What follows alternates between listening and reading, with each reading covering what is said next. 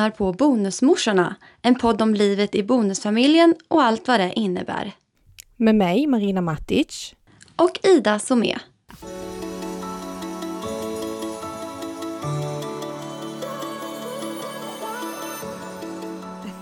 Hur mår du? Förutom att du är trött? Eh, jo, men jag mår eh, ja, bra tror jag. är det mycket jobb och så och du känner liksom stress? Eh, det är mycket jobb och mycket med barn och väldigt lite återhämtning just nu. Mm, mm, mm. Så idag är jag, ja, jag ser ut som ett troll, jag känner mig som ett troll. Jag tror du är är troll. jättesöt ändå. Det tror jag. Ja, det här är första gången vi poddar när vi inte ser varandra så vi får se hur det går. Ja, och varför ser vi inte varandra? För klockan är halv åtta på morgonen. Ja, Och vi är så inte redo för detta här egentligen.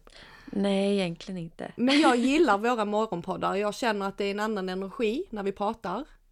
Ja, eh, än när vi har tagit det på kvällen någon gång för då är man så trött och hjärnan funkar inte som den ska. Eller jag, jag känner i alla fall det för jag känner att jag är ganska så effektiv jämfört med vad jag är på kvällarna.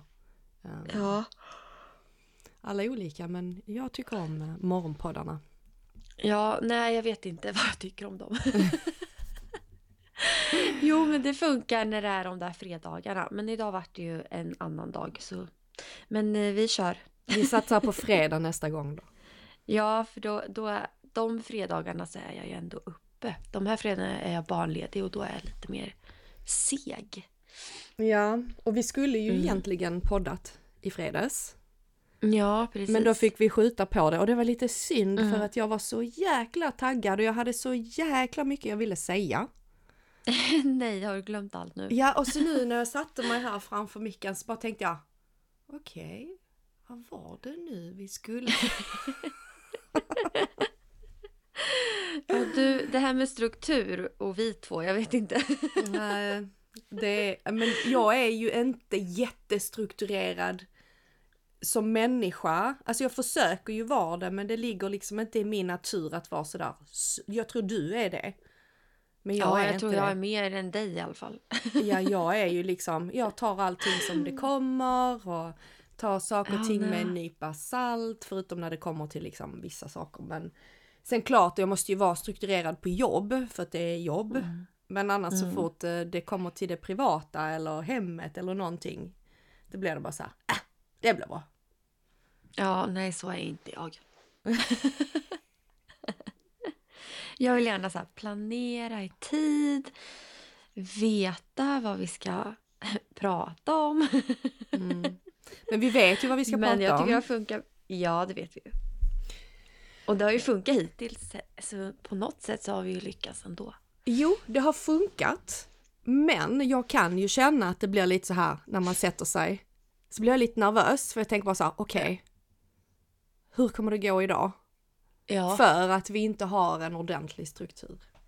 ja precis. Men hade vi liksom Ja. punktat upp saker och ting ordentligt, satt oss och planerat inför säsong, så Ja. tror jag nog det hade känts enklare. Inte bättre, inte roligare, för det, det, det känns bra, det känns roligt, men det hade känts enklare. Mm. Men sen har vi också liksom nyligen börjat och kommit kanske lite längre på ganska så kort tid än vad vi räknade med att vi skulle göra. Ja, precis. Eller? Ja. Det gick lite väl bra. Lite Det gick, ja, det gick så fort. men och det är ju jättekul. jätte- Men... Ja, verkligen. Så man ska ju vara tacksam för Ja. det. Men nu är det bara så här, okej. Får vi Ja. nog, eh, Nu får vi skärpa oss. nu får vi skärpa oss. men eh, jag... Ska vi gå in på ämnet så vi hinner, hinner Ja men med? precis, precis. Jag tänkte Mm. ju så här att sist vi skulle podda så ville jag ju gå upp, gå in i, gå in på frågan om att, eh, alltså när man bör låta barnen ta beslutet om vart de vill bo till den största Mm. delen. Om du nu har barn som bor eh, växelvis. Mm. Eh, jag tog ju upp eh, denna frågan på Bonusfamiljeforumet och det blev väldigt, väldigt eh, intensivt kanske jag inte ska kalla det, men det var ju massa åsikter kring denna frågan, Ja. massa delade åsikter eh, kring hur man ska tänka och hur man bör tänka och vad man tycker är rätt och vad man tycker är fel och hur mycket barnen ska få ta. Alltså hur mycket barnens egentligen önskemål ska få ta plats i dessa besluten. Ja, hur mycket de ska få bestämma själv eller? Ja men precis. Hur mycket Ja. ska de få bestämma själv och när ska de få bestämma och Vilket- vad ja. ska anledningen vara till att man egentligen ska gå med på deras önskemål? Vet, det är en ganska bred Mm. fråga för där finns ju så många olika aspekter som man liksom kan ta hänsyn till. Men jag har, jag vill börja med att fråga dig Mm. om du litar på myndigheter och psykologer när det kommer till dessa frågor om barns boende och umgänge. Eh, nej, jag vet faktiskt inte Du vet om jag inte. det. Mm. Nej. Vad är det som gör att du är osäker? Eh, jag tänker att de inte riktigt alltid liksom förstår situationen kanske och därefter kan döma fel. Mm. För jag, jag tror att... Eh, alltså, och det beror ju på hur extremt det är. Men jag tänker att det finns ju människor som kan vara duktiga på att manipulera och få fram en sida som kanske inte riktigt stämmer mot hur det är i verkligheten. Och så dömer de efter det kanske. Ja. Absolut, Mm. det tror jag också. Mm. Sen så jag kan väl känna också ibland att man tar hänsyn till lite för banala, eh, banala saker också. Ja. Eh, det är ju, jag har ju pratat eh, med psykologer inne på eh, mitt Instagramkonto och eh, även privat. Eh, bara för att liksom jag är nyfiken på hur det funkar.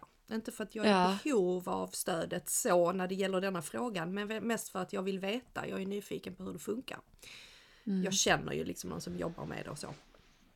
Och eh, mitt, det rådet som denna psykologen som jag liksom hängde upp mig lite på sa, Mm. eller gav, det var att man ska lyssna på barnet just när det blir lite äldre. Så ska man lyssna på det barnet oavsett vad anledningen är. Mm. Och först blev jag så här, ja okej jag fattar. Så tänkte jag bara så här, nej. Men oavsett vad anledningen är, okej vi säger så här barnet som är kanske i yngre tonår eller, ja, men vi säger att det är 13. Okej, för det är ändå ett barn som Mm. är moget och förmodligen Tonåring. Ja men precis, vet lite mer om hur saker och ting känns i Ja. jämförelse med liksom, den ena och andra eh, förä- föräldern.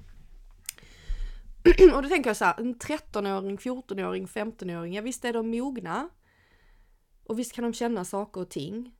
Men vad är konsekvenstänket där egentligen? Alltså hur, hur, hur bra konsekvenstänk kan man ha som en tonåring som är ung fortfarande? Mm. Eh, och lite som en följare skrev, det är ju faktiskt inte så att barn och alla ungdomar besitter ett väldigt stort konsekvenstänk. Och det Nej, kan ju också precis. leda till att det blir väldigt, väldigt svårt i framtiden när det kommer till relationen till då den andra föräldern som man har valt att inte bo med. Ja. Så jag blev lite förvånad över detta rådet oavsett anledning.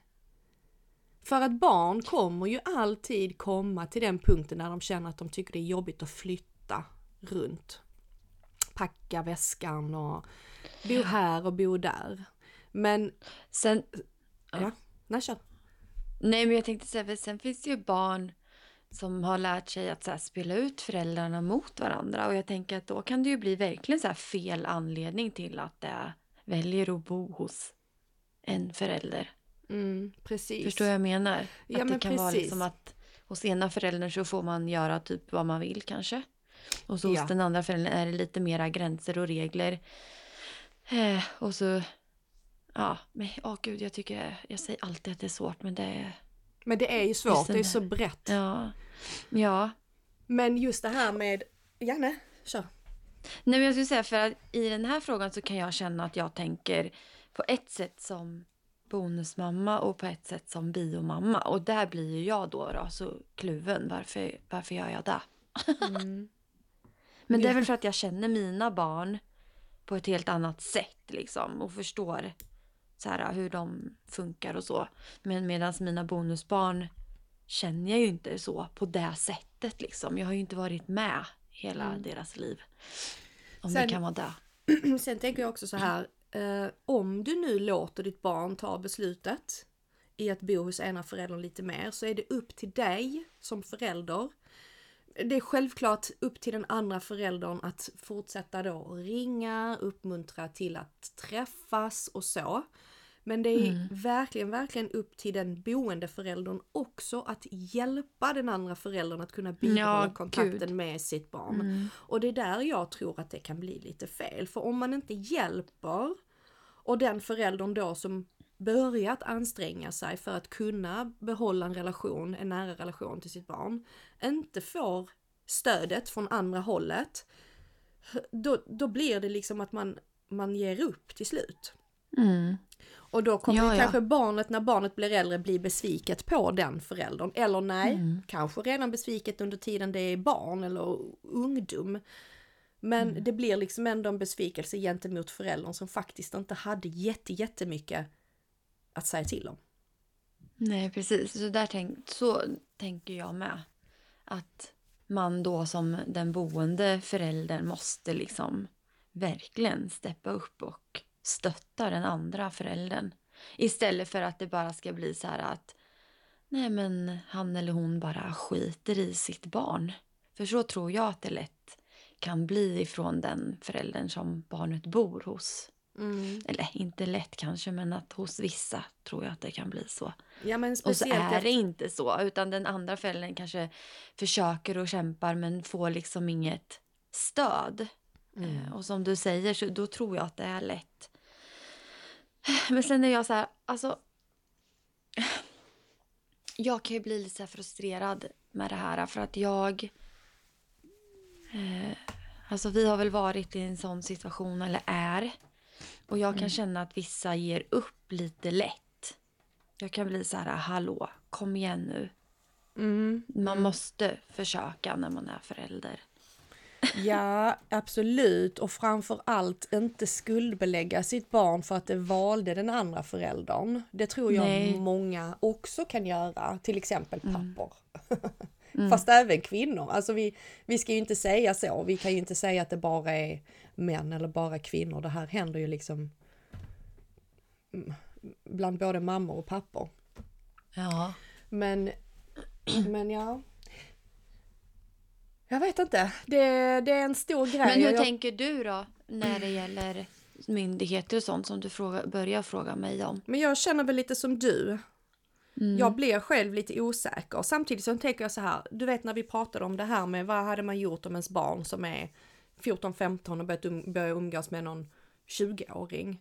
Ja. Ja. men om inte den andra föräldern fattar liksom problematiken i detta så hade jag vänt mig till myndigheterna för att få stödet för att, ja men till att kunna liksom eh, upplysa om faran i detta här.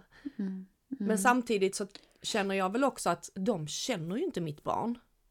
Nej. De kan bara utgå från teori och, och, och annat. Men samtidigt så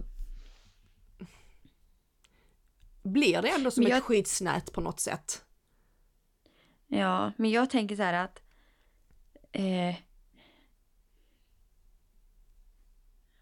de... Åh gud, jag vet inte hur jag ska förklara så att det blir rätt. Men de... Alltså myndigheter och sånt. Det känns som att de lätt så missar saker. Alltså de... Ja, för vi har ju varit lite inblandade med sånt här. Mm. Eh, inte på något så här jätteallvarligt men ändå liksom så här att man vill ha lite råd och tips och sådär. Mm. Och då har väl, alltså jag har väl känt att de verkligen inte så förstår. Utan de Mm. har verkligen så utgått ifrån vissa grejer och så vet de inte hela situationen och så blir det bara fel och så känner man att man inte får hjälp. Och då skiter man i att ta hjälp som förälder istället. Mm. Ehm, Men då blir det ju att de tar Ja. hänsyn till barnets önskemål förmodligen. Ja, ja. Eller nej, inte i den situationen jag pratar om. Men ja. De, det är väl mer den andra föräldern då som de har lyssnat mer på än... Ja. Mm. Och det är ju inte alltid det stämmer heller. Alltså det är så svårt att förklara när man inte så kan gå in på exakt vad det gäller.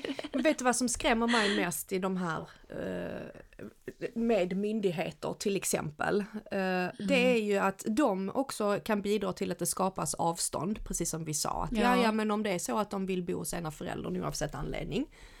Mm. Så får den göra det. Då får, man, då får man liksom låta barnet bestämma och sen så får man anstränga sig som förälder istället med att hjälpa till med relationen. Men det är ganska svårt.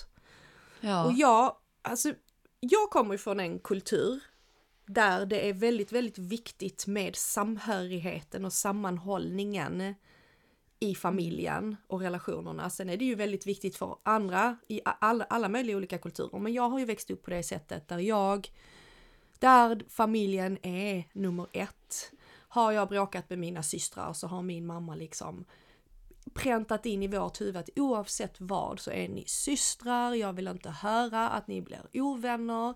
Bråkar ni så löser ni det. Det är liksom, jag släpper inte denna frågan. När inte vi finns så har ni bara varandra. Det har varit liksom grunden hos oss. Mm. Och det har ju liksom gjort att jag har fört det vidare till mina barn. Mm. Och försökt liksom förmedla detta här att familj är A och O.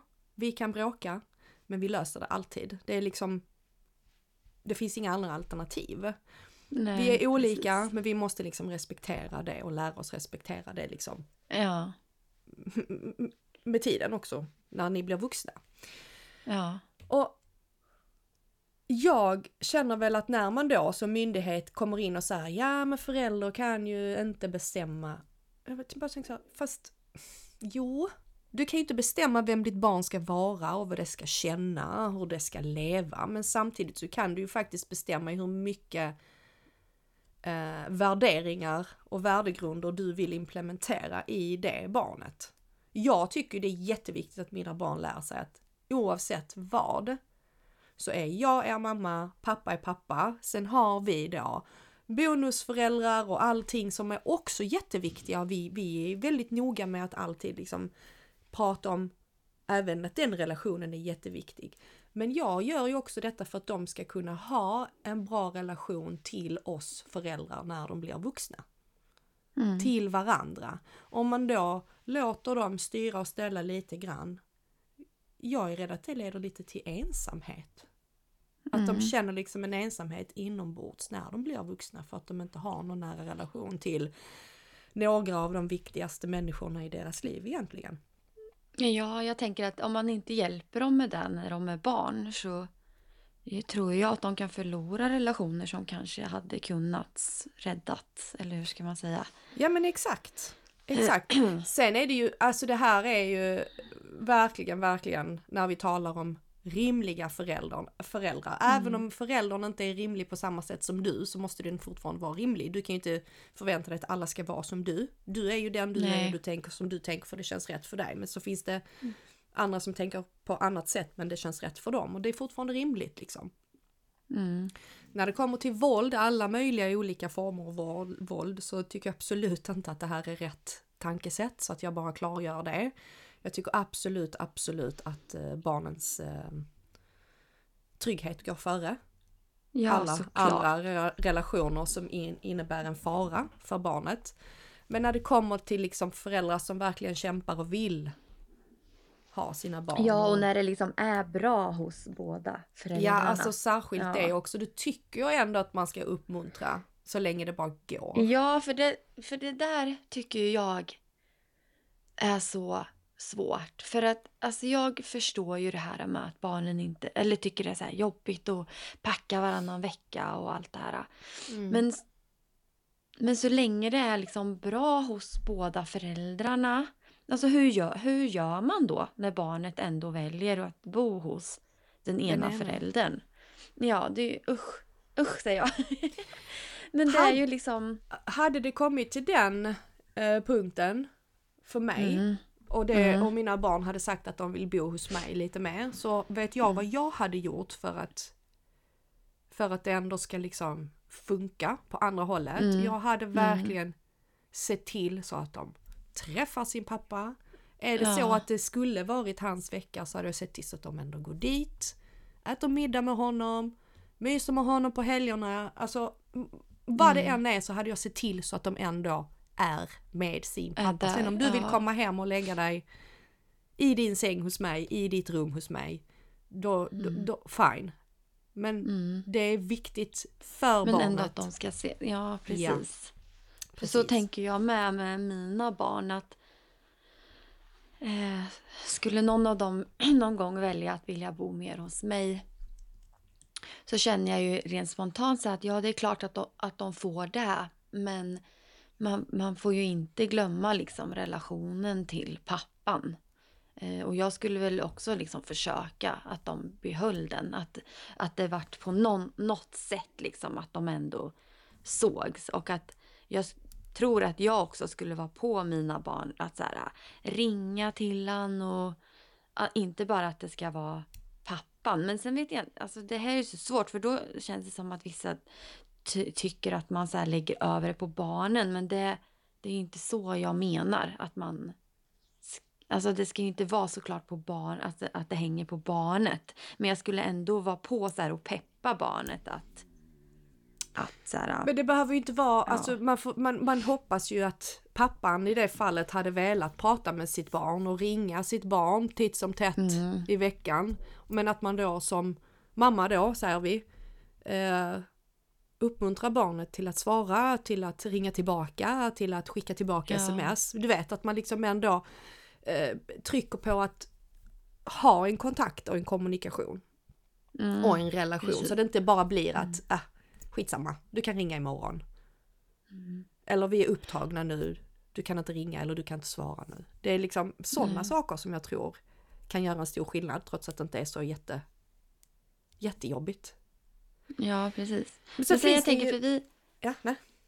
Nej, men, nej, men jag skulle bara säga att vi pratar så här som att barnen alltid flyttar till mamman. Men jag Mm. upplever att det är det som är det vanligaste. Eller, eller är det helt fel? För det känns som de flesta som väljer att bo hos en förälder att det oftast är hos mamman. Mm. Eller? Nej. Alltså jag har, ja jag tror det är så. Nu har jag Ja. inte, jag vet inte. Vi vet ju inte, vi har ju inte forskat i detta här så mycket. Men Nej. det känns ju som att det Har du är inte? jag hade verkligen velat. Eh, Men det känns verkligen som att det är så, ja. Sen har jag mammor som har berättat om sådana jättejobbiga mardrömsscenarier som inte får, där de inte får träffa sina barn för att pappan har lyckats manipulera barnen till att vara där eller, ja men du vet, om, ja, av samma anledningar som kanske ett barn vill vara hos sin mamma också. Det kan ju vara att pappan är mycket bättre förälder än, än vad mamman är. Men det händer ju också att barn väljer sin pappa. Men jag tror, inte, i sa- jag tror inte det är i samma utsträckning som att de väljer sin mamma Nej. som boendeförälder. Ja. Sen så tror jag också så här att många gånger när man väljer en förälder så är det ju på grund av dåligt samvete. Kanske. Jag vet att många Många av dem i detta fall då mammor som det visar sig vara mest av som uttrycker att man bör låta barnet välja är ju också de som kanske har barnet hos sig mestadels. Mm. Så det är kanske lättare att säga så när du vet att ditt barn ändå kommer vara hos dig med. Ja, precis. Och det är ju orättvist. Ja. Och det är orättvist både mot barnet och mot den andra föräldern. Mm. Och sen tänker jag också så här att de här fallen när barnet vill bo hos den ena föräldern för att eh, för att den får göra mer som den vill där. Det, det är också så en svår situation.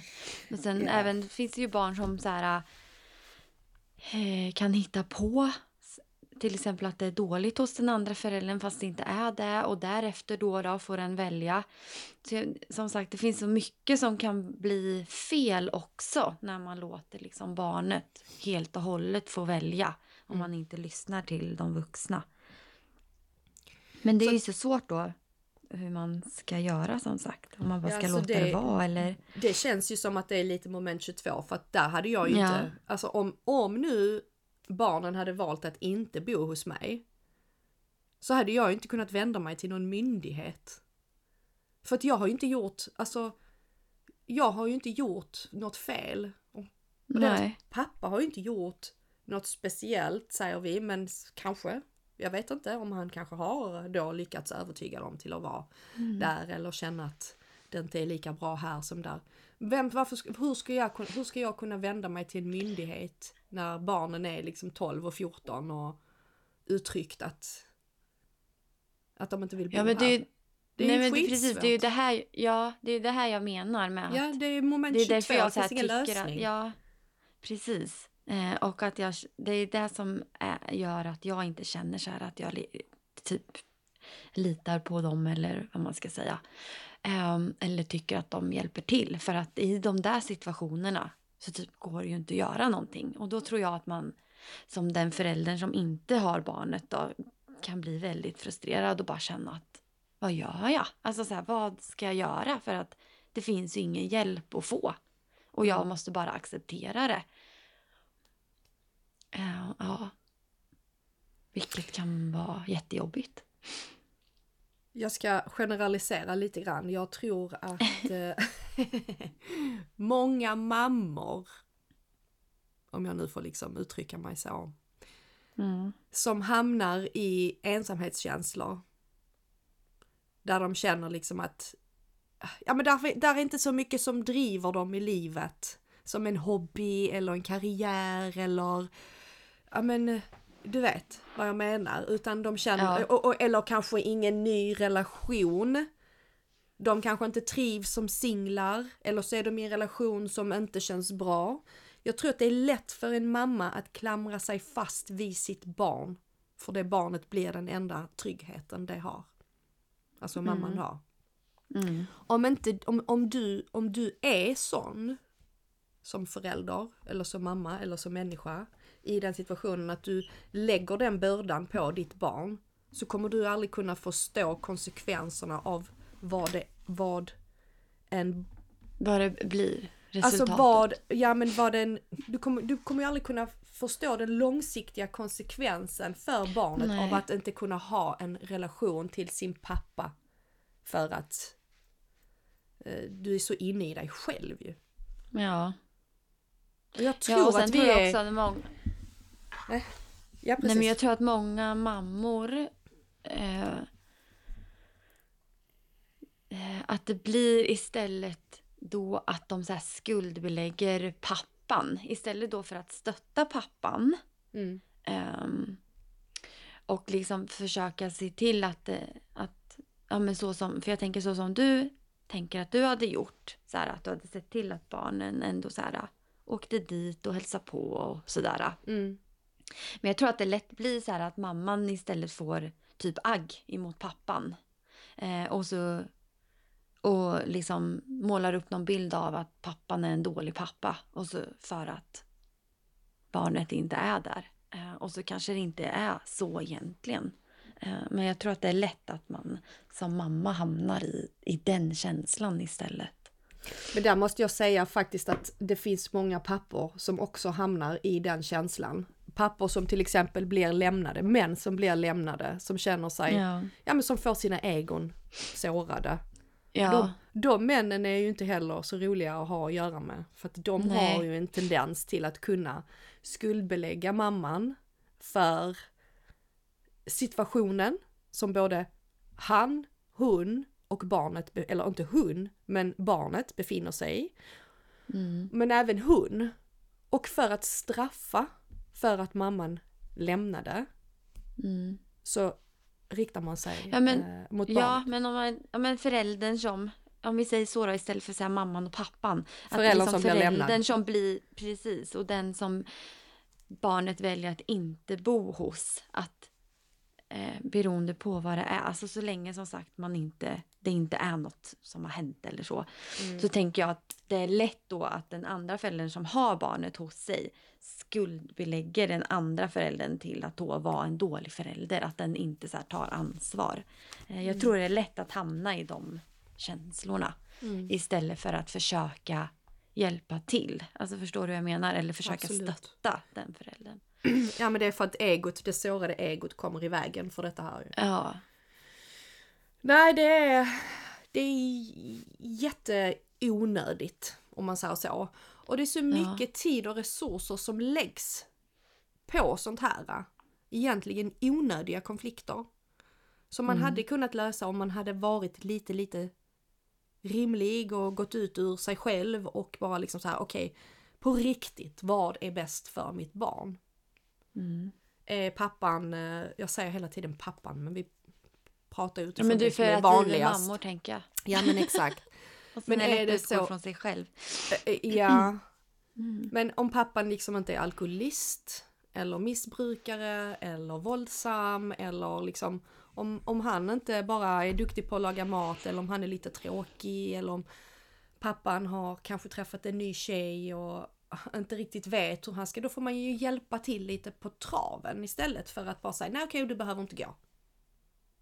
Mm. Sen om barnen kommer hem och bara säger jag orkar inte mer, jag mår jättedåligt. Okej men då måste man utreda det lite grann som förälder. Men vad är det som händer? Varför mår du dåligt? Är det någonting vi kan göra? Vad tror du om jag hade pratat med pappa? Tror du han hade liksom lyssnat? Alltså det finns så mycket man kan göra för att Mm. underlätta för allihopa. Mm. Men man måste liksom frångå för vad man själv egentligen tycker och tänker om varandra. Ja, precis. Men det är ju det man tycker och tänker om varandra som oftast kommer emellan ju. Ja, ja exakt. Att det är liksom det som istället, att man istället fokuserar på istället för att fokusera på vad handlar det här om egentligen och kan vi göra någonting åt det först innan vi så bestämmer att den bara ska bo hos mig eller dig. Ja, för jag tror man måste tänka att det där är, det där är inte mitt ex.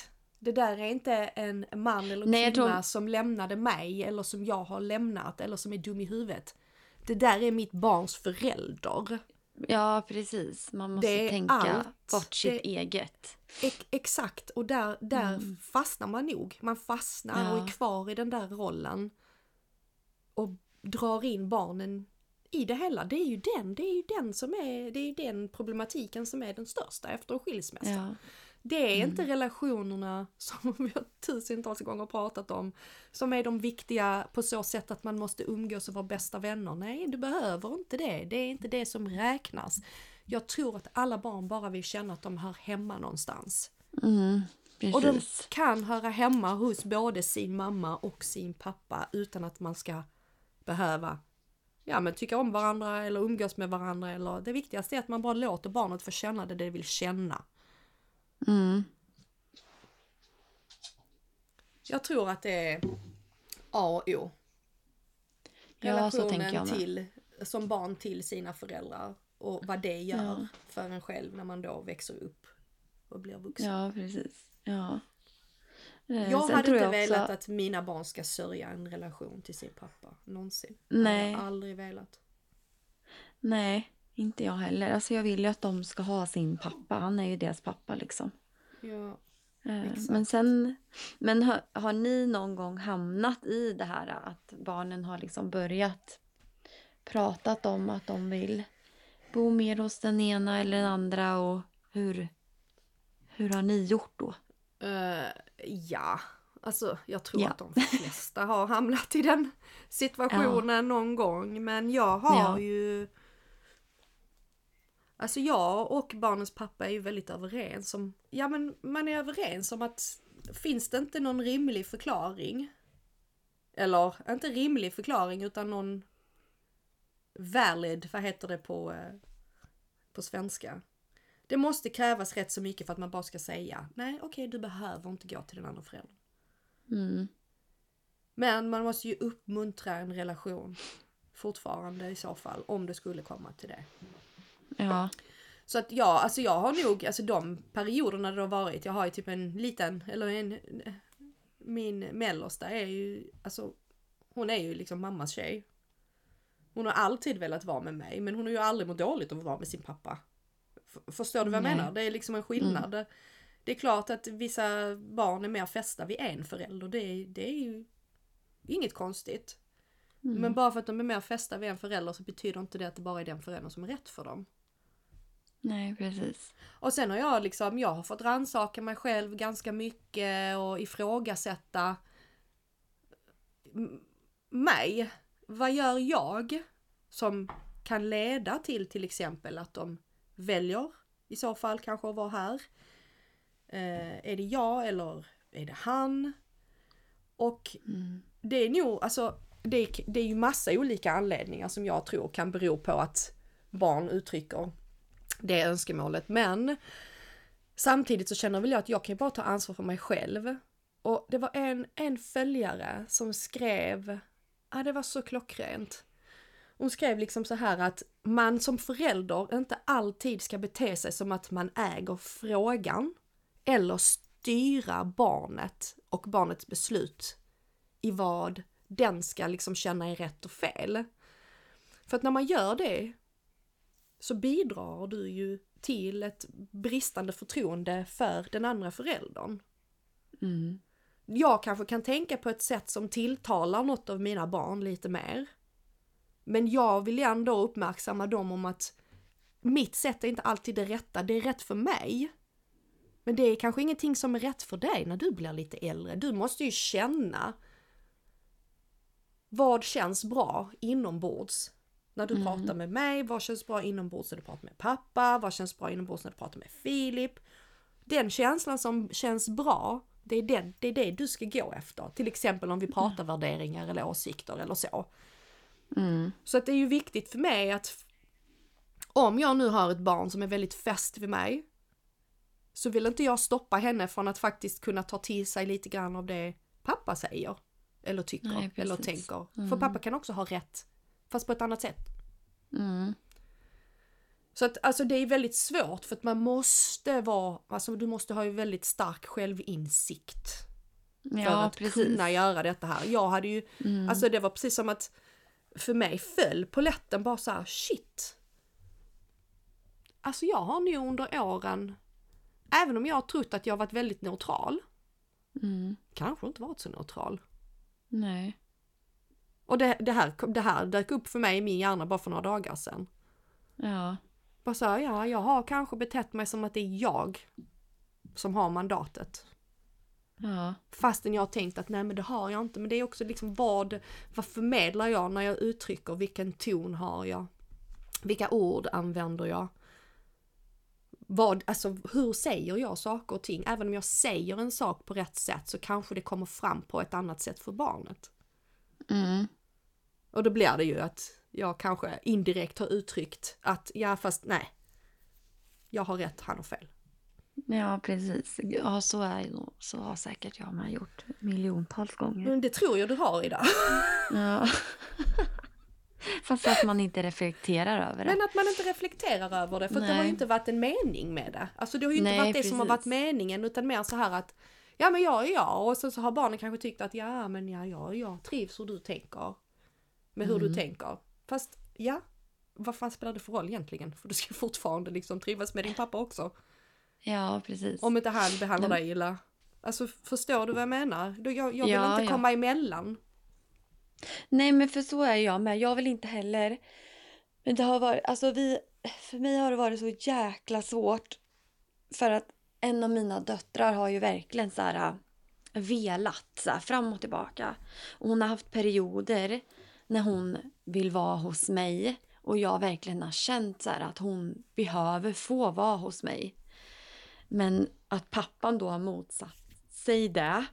Vilket jag såklart förstår också liksom. För att hade det varit tvärtom så hade ju jag känt så här, nej. Vad, vad handlar det här om liksom? Mm. Eh, men, men i de situationerna så har ju vi låtit Vissa gånger har vi låtit henne fått varit här lite mer hos mig. Mm. Eh, men vissa gånger har jag liksom fått stått på mig och säga nej men nu åker du till pappa och testar och blir det inte bra så får du väl ringa. Men det är det här som är så svårt för att Men Jag det där, liksom du inte- visar ju du att det är du som har mandatet. ja, Alltså förstår du vad jag Ja. menar? Och det, Ja, det där ja. är ju skitvanligt. Mm, Men man gör ju inte det, alltså du, du gör ju det du tror är rätt. precis som Ja, jag precis. har ja. gjort det jag har trott har varit rätt. Men samtidigt Ja. har vi förmedlat någonting annat till barnen än det vi kanske har velat. ja, men precis. Typ, ja ja men gå nu, testa. Vad säger Ja. det egentligen? Det säger att, ja ja men vi ser. Ja, fast samtidigt måste man väl... Ja men det är Alltså- skitsvårt. Alltså det, det, Ja. det, det, alltså det är skitsvårt. Jag, jag säger ju Ja. liksom inte att vi kan göra annat. Jag säger bara att vi måste ju, vi alla föräldrar måste ju reflektera över hur vi är på riktigt. Ja, ja. Men äh, vi, vi har inte alltid förmågan till det. Jag har inte alltid Nej. förmågan till det. Då kan jag ändå tycka att jag är ganska så självkritisk. Mm. Ja, och det tycker jag att jag med. ja men alltså i ja. min roll som mamma, det är liksom den viktigaste Mm. rollen i mitt liv. Mm. Men ändå har jag inte förmågan att alltid kunna veta om jag gör rätt eller fel eller om jag uttrycker Nej, mig rätt eller... det är så svårt också, för det, det är ju det här med som förälder. Till exempel när min dotter har gjort så då. Då ser ju jag att hon mår dåligt. Eh, och då blir det ju så här rent... Alltså, då går ju jag på ren insikt liksom att nu måste jag inte rädda mitt barn för inte så, men jag vet inte hur jag ska uttrycka mig. Ja, men men jag, jag blir förstår. direkt så här då att jag vill värna om henne. Mm. Och jag märker att hon mår dåligt och, och då blir ja, och då och det är ju där man kanske gör fel ibland då, att man liksom eh, Ja, men jag vet inte hur jag ska uttrycka mig. Att man kommer lite emellan istället för Ja, att... men precis. Fast det pusha. inte är meningen att man ska göra det. eh, För att man vill liksom inte ta det för, från pappan. Men ändå så blir det liksom för att då tror jag då helt plötsligt att det jag gör är det rätta. Om jag låter henne vara kvar hos mig för att jag ser då att hon mår bra. Mm. Men många gånger hade hon ju säkert mått bra av att åka till pappan. För att det där kanske bara hade varit eh, en grej. Alltså förstår du? Det är ju det här som blir så svårt att jag vet ju inte då. Försöker hon spela ut oss? För barn kan ju vara väldigt duktiga på att göra det med. För att hon vet att hon får mer kanske som hon vill hemma hos mig då. Eller tvärtom. Eh, men, eller må, mår hon dåligt på riktigt? Alltså så här. Det är jättesvårt Jag att tror veta. ju... Jag, nej, ja, men precis. Och jag tror ju att jag ha, kan ju se skillnad på det. Mm. Jag tror ju att de här situationerna som upp- uppstått med min dotter och att hon inte har velat åka dit så tror ju jag att, att det har, för hennes skull har blivit rätt. Att hon har fått vara kvar här någon extra dag. Men sen att hon har ändå så här åkt tillbaks till pappa. Det är inte så att hon har fått valt att hon ska bara bo här. Utan jag har verkligen så här, men så nu, nu testar vi att du åker till pappa. Nu har du varit här en dag extra och nu känns det som att det liksom har lugnat sig lite. Eh, men det är ju skitsvårt. Jag har ju ingen aning om om jag har gjort rätt eller fel i de situationerna. Nej, vi lär se det när ändå- barnen blir vuxna. Ja, men precis. Men jag känner ju ändå liksom att jag har försökt stötta pappan. Alltså vi Mm. har ju så här pratat och jag har ju sagt till honom, ja men liksom så här, jag fattar att det är jobbigt för dig och ja, du ska veta att det är inte så att jag bara, nej men det är klart att du ska vara här. Ja, nu höll jag på att säga namnet. Ja, Men det är jätteviktigt. Det är jätteviktigt. Mm, Det är, jag tror det är jätte, jätte, jätteviktigt. Men mm, det kan också bara vara så att vissa barn bara tycker det känns mysigare. Alltså, varför skulle det inte bara vara så att din dotter bara känner att hon saknar dig när hon är hos sin Ja. pappa? Alltså, det behöver inte Mm. vara någon större anledning än så. Och saknaden är ju jättejobbig, men den kommer ju med i detta här. Ja, men då tänker jag så här, när man gör så här då, då som jag har gjort i vissa situationer, att Mm. låta eh, dem få vara kvar när det blir så. Spär inte jag på då den känslan? Förstår du vad jag menar? Att Jag fattar. den här saknaden, att om jag då varje gång de säger att jag saknar dig ja, men jag, och jag vill åka till dig eller vad de kan säga. Ja, men jag kommer hämta er. Om jag skulle göra så verkligen varje gång då, då, då måste ju det här bli jättefel också, eller hur? Ja, alltså om du Spär man inte på det hos barnen då, tänker jag, och att de då mår ännu sämre nästa gång de åker till pappa. Alltså förstår du vad jag menar? Ja men också för att man ger dem alternativet till att faktiskt kunna komma ut ur det. Hänger du med? Ja. Komma ja. ut ur saknaden. Så absolut att jag tror att man spär på lite grann. Även om Mm. det kanske kan vara lite, lite spel för gal- galleriet. Om hon då vet att, ja men mamma hämtar mig. Mm. Om jag saknar henne jättemycket då kanske hon saknar det ännu mer nästa gång. Och så ännu mer och sen Mm. till slut så bara, mm, jag vill inte gå till pappa mer. Nej men så blir det liksom inte hållbart, precis. Nej. Och det blir ju jättesvårt. Ibland måste man kanske bara så här. Ja men vet du vad? Jag vet att det kommer bli jättebra. Jag vet Mm. att du kommer tycka det är jättekul. Jag vet att tiden kommer gå jättesnabbt. Och Mm. alltså liksom bara så här. Odramatiskt. Ja. ja, men precis. Och så, alltså det är många gånger man får göra så. Eh, Mm. Mm. Och, och det är alltså, det är så sjukt för att man känner, jag känner mig så elak.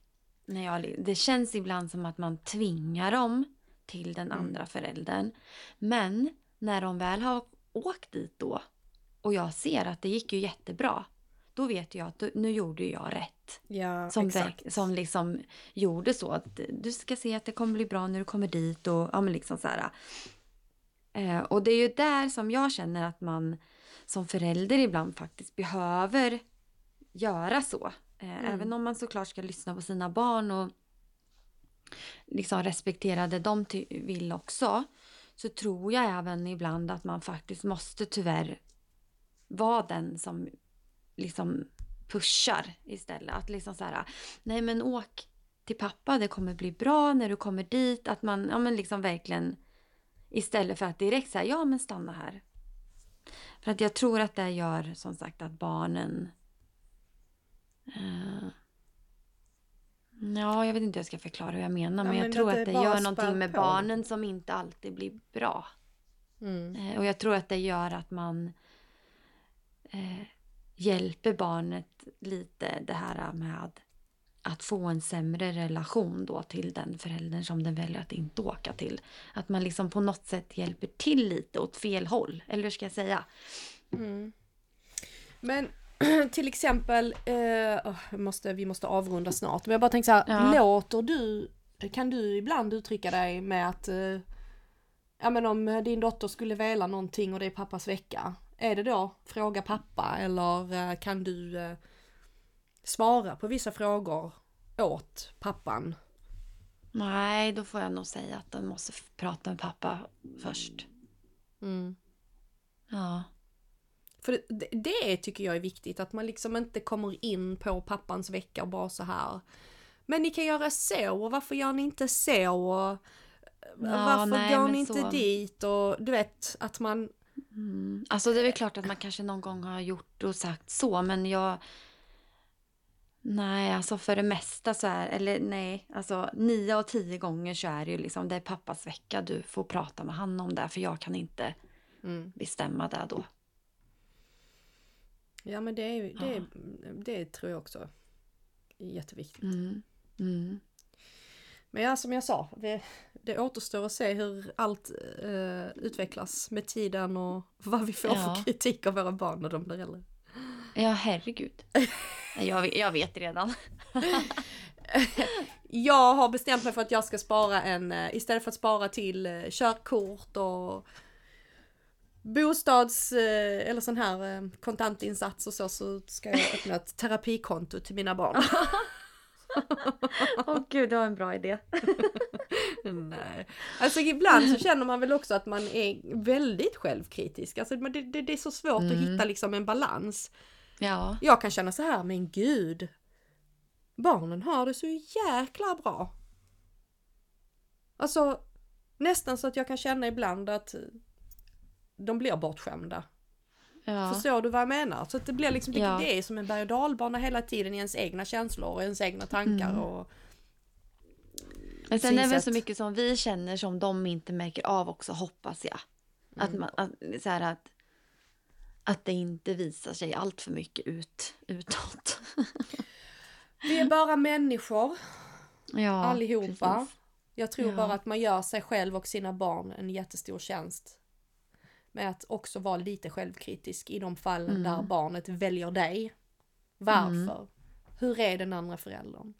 Mm. Är den en fara för mitt barn? Om den inte är en fara för mitt barn så kanske det finns liksom lite mer eh, anledningar till att eh, kämpa för att de ska kunna bibehålla en, en relation till den andra föräldern. Ja, precis. Att liksom, om nu det blir så att barnet väljer att bo mer hos den ena föräldern, att man då som den föräldern inte glömmer den andra föräldern. Eh, Mm. Och att man liksom hjälps åt ännu mera och stöttar varandra ännu mera.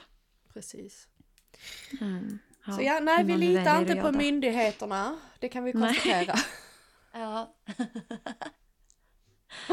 Nej, Ja, då skulle men- de nog behöva bo med en ett tag. ja, exakt. Okej då. Ja. Det får eh, vara för denna gången. Yes box. Lite luddigt. Ja, lite luddigt idag.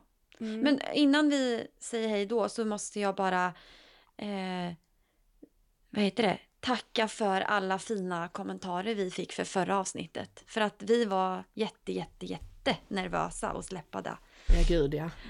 Eh, och så har vi fått jättefin feedback. Så tack så jättemycket. Ja, tack. Man märker vad viktigt det är att prata om vissa grejer eh, som man kanske inte pratar så öppet om ibland. Men det gör vi. Jag tycker vi tar Ja, upp vi det. grejer.